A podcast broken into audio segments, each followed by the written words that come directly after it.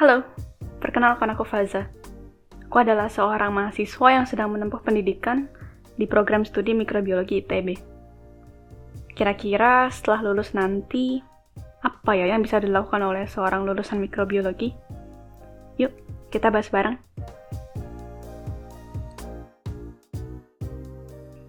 Oke, sekarang menurut kalian, karir apa sih yang menjadi pilihan paling umum oleh seseorang dengan gelar sarjana sains?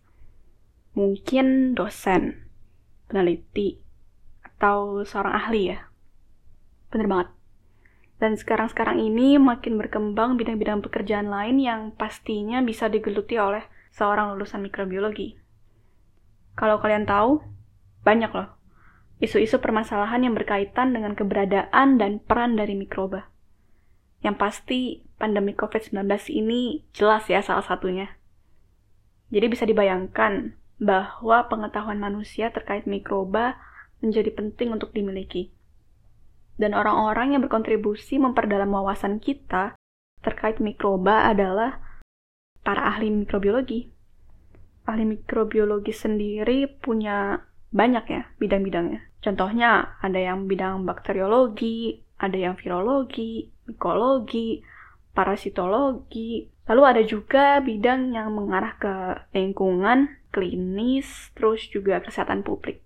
Jadi dari satu aspek aja, yakni ahli mikrobiologi, sudah banyak tersedia pilihannya. Para ahli-ahli ini dapat berkolaborasi satu sama lain maupun dari keilmuan di luar mikrobiologi untuk memecahkan misteri-misteri terkait cara kerja dan gaya hidup dari mikroba di alam. Wadah kolaborasi yang ada salah satunya adalah organisasi ASM atau American Society for Microbiology. ASM sendiri adalah organisasi yang berkaitan dengan life science tertua dan terbesar di dunia. Di dalamnya terdapat 27 disiplin spesialisasi mikrobiologi yang beberapa yang tadi udah aku sebutkan ya. Untuk bekerja sama dan berkolaborasi sendiri tentunya perlu dukungan dari soft skills yang merupakan kompetensi wajib seorang sarjana sains. Kalau misalnya kita tidak dapat menyampaikan maksud kita ataupun memahami pemikiran dari pihak lain, maka akan sulit untuk menyelesaikan suatu isu atau permasalahan yang harus dikerjakan bersama. Pelatihan skill ini didapatkan oleh seorang lulusan mikrobiologi lewat berbagai kerja kelompok yang dilakukan semasa menempuh studi jadi, seorang lulusan mikrobiologi sudah mendapat bekal ya terkait kompetensi-kompetensi penting ini selain juga hard skills maupun lab skills.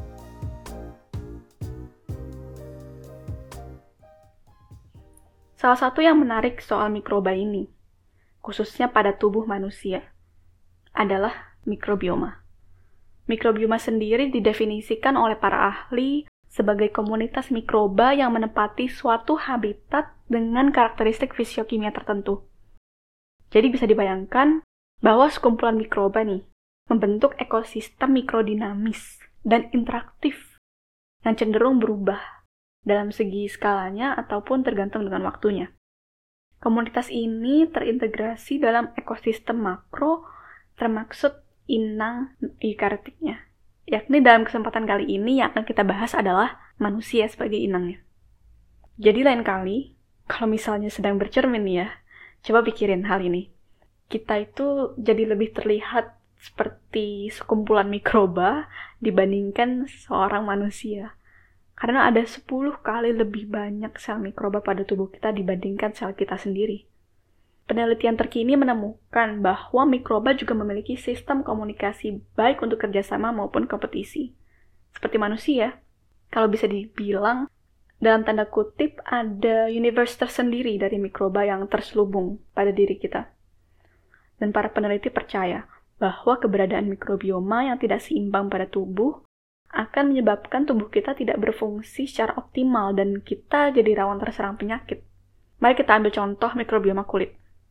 Pada salah satu pertemuan di mata kuliah Studium General Mikrobiologi, Ibu Diana Elizabeth Waturangi, PhD, menyampaikan sedikit tentang gaya hidup mikroba khususnya yang menempati kulit kita ini. Sebenarnya kulit kita ini bukan termaksud habitat yang mengenakan ya bagi para makhluk-makhluk mungil ini. Secara fisiokimia, kulit manusia bukan pilihan terbaik sebagai tempat tinggal. Namun berkat kemampuan adaptasi dari mikroba-mikroba, mereka bisa tinggal dan berinteraksi secara terus-menerus pada kulit manusia. Mikroba memiliki kreativitas, ketangguhan, kemampuan adaptasi dan komunikasi yang cukup unik. Tak jarang mereka juga berkompetisi tentunya. Intinya adalah ada beberapa kesamaan antara manusia dan mikroba dalam menghadapi faktor-faktor eksternal selama hidupnya. Mikrobioma kulit terdiri dari jenis-jenis mikroba yang beragam, dan mereka menjaga posisinya masing-masing. Kalau misalnya muncul ketidakseimbangan di antara para penduduk kulit, bisa-bisa muncul permasalahan seperti dermatitis, psoriasis, rosacea, eczema, atau yang paling sering dialami oleh sebagian besar orang, muncul dari itu jerawat. Kalau kita terus memperdalam bidang ini, maka akan membantu kita untuk menyelesaikan semacam rangkaian puzzle dari isu permasalahan penyakit yang disebabkan dari ketidakseimbangan mikrobioma. Misalnya, ada suatu cara yang bisa kita lakukan untuk merekayasa mikrobioma supaya bisa kembali seimbang dan mendekati mikrobioma yang sebagaimana seharusnya. Meskipun ini mengacu pada jalur karir utama sebagai peneliti, tapi kalau kita lihat lagi, sebenarnya ini bisa kita arahkan ke entrepreneurship. Karena kita bisa menjadikan ini sebagai suatu peluang untuk membuat produk ataupun service dengan basis pengetahuan mikrobioma tadi. Jadi tidak hanya sebatas meneliti, namun bisa dikembangkan solusinya dan solusinya dapat memiliki nilai jual yang bisa kita tawarkan. Kalau bagi saya pribadi sih ini menarik ya. Karena saya sendiri juga tak lepas dari permasalahan kulit. Terutama yang sering dialami oleh orang-orang seusia saya, yakni jerawat. Mungkin hal ini sepele, namun banyak orang luar sana yang mempunyai permasalahan lebih serius dengan penyakit kulit dan berefek samping pada mentalitas dan kepercayaan diri mereka. Dan dari sana bisa menjadi suatu dorongan bagi kita untuk menyelesaikan permasalahan ini untuk kasus jerawat, rosacea, dan eczema justru malah sering kita temukan ya.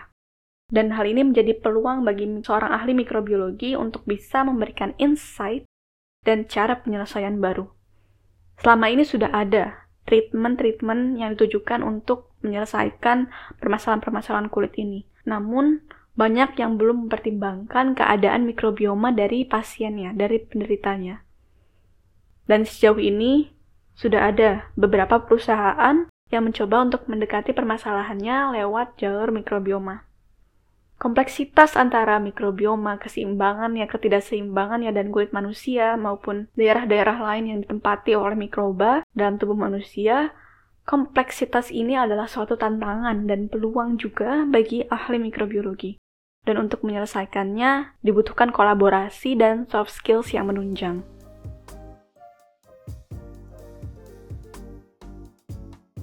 Jadi kesimpulannya apa yang bisa dilakukan oleh seorang lulusan mikrobiologi? Kalau tadi kita sudah melihat contoh kasusnya, maka kita dapat mengatakan bahwa seorang lulusan mikrobiologi dapat menggunakan keilmuannya untuk memecahkan permasalahan yang ada. Salah satunya lewat jalur penelitian dan pengembangan. Namun, nantinya hal ini juga dapat dibawa lebih lanjut sebagai rintisan usaha atau entrepreneurship yang menawarkan solusi. Berakhirlah pembahasan kita kali ini. Terima kasih telah mendengarkan dan semoga pemahaman ini dapat membuka pikiran yang baru untuk kita semua. Sampai jumpa.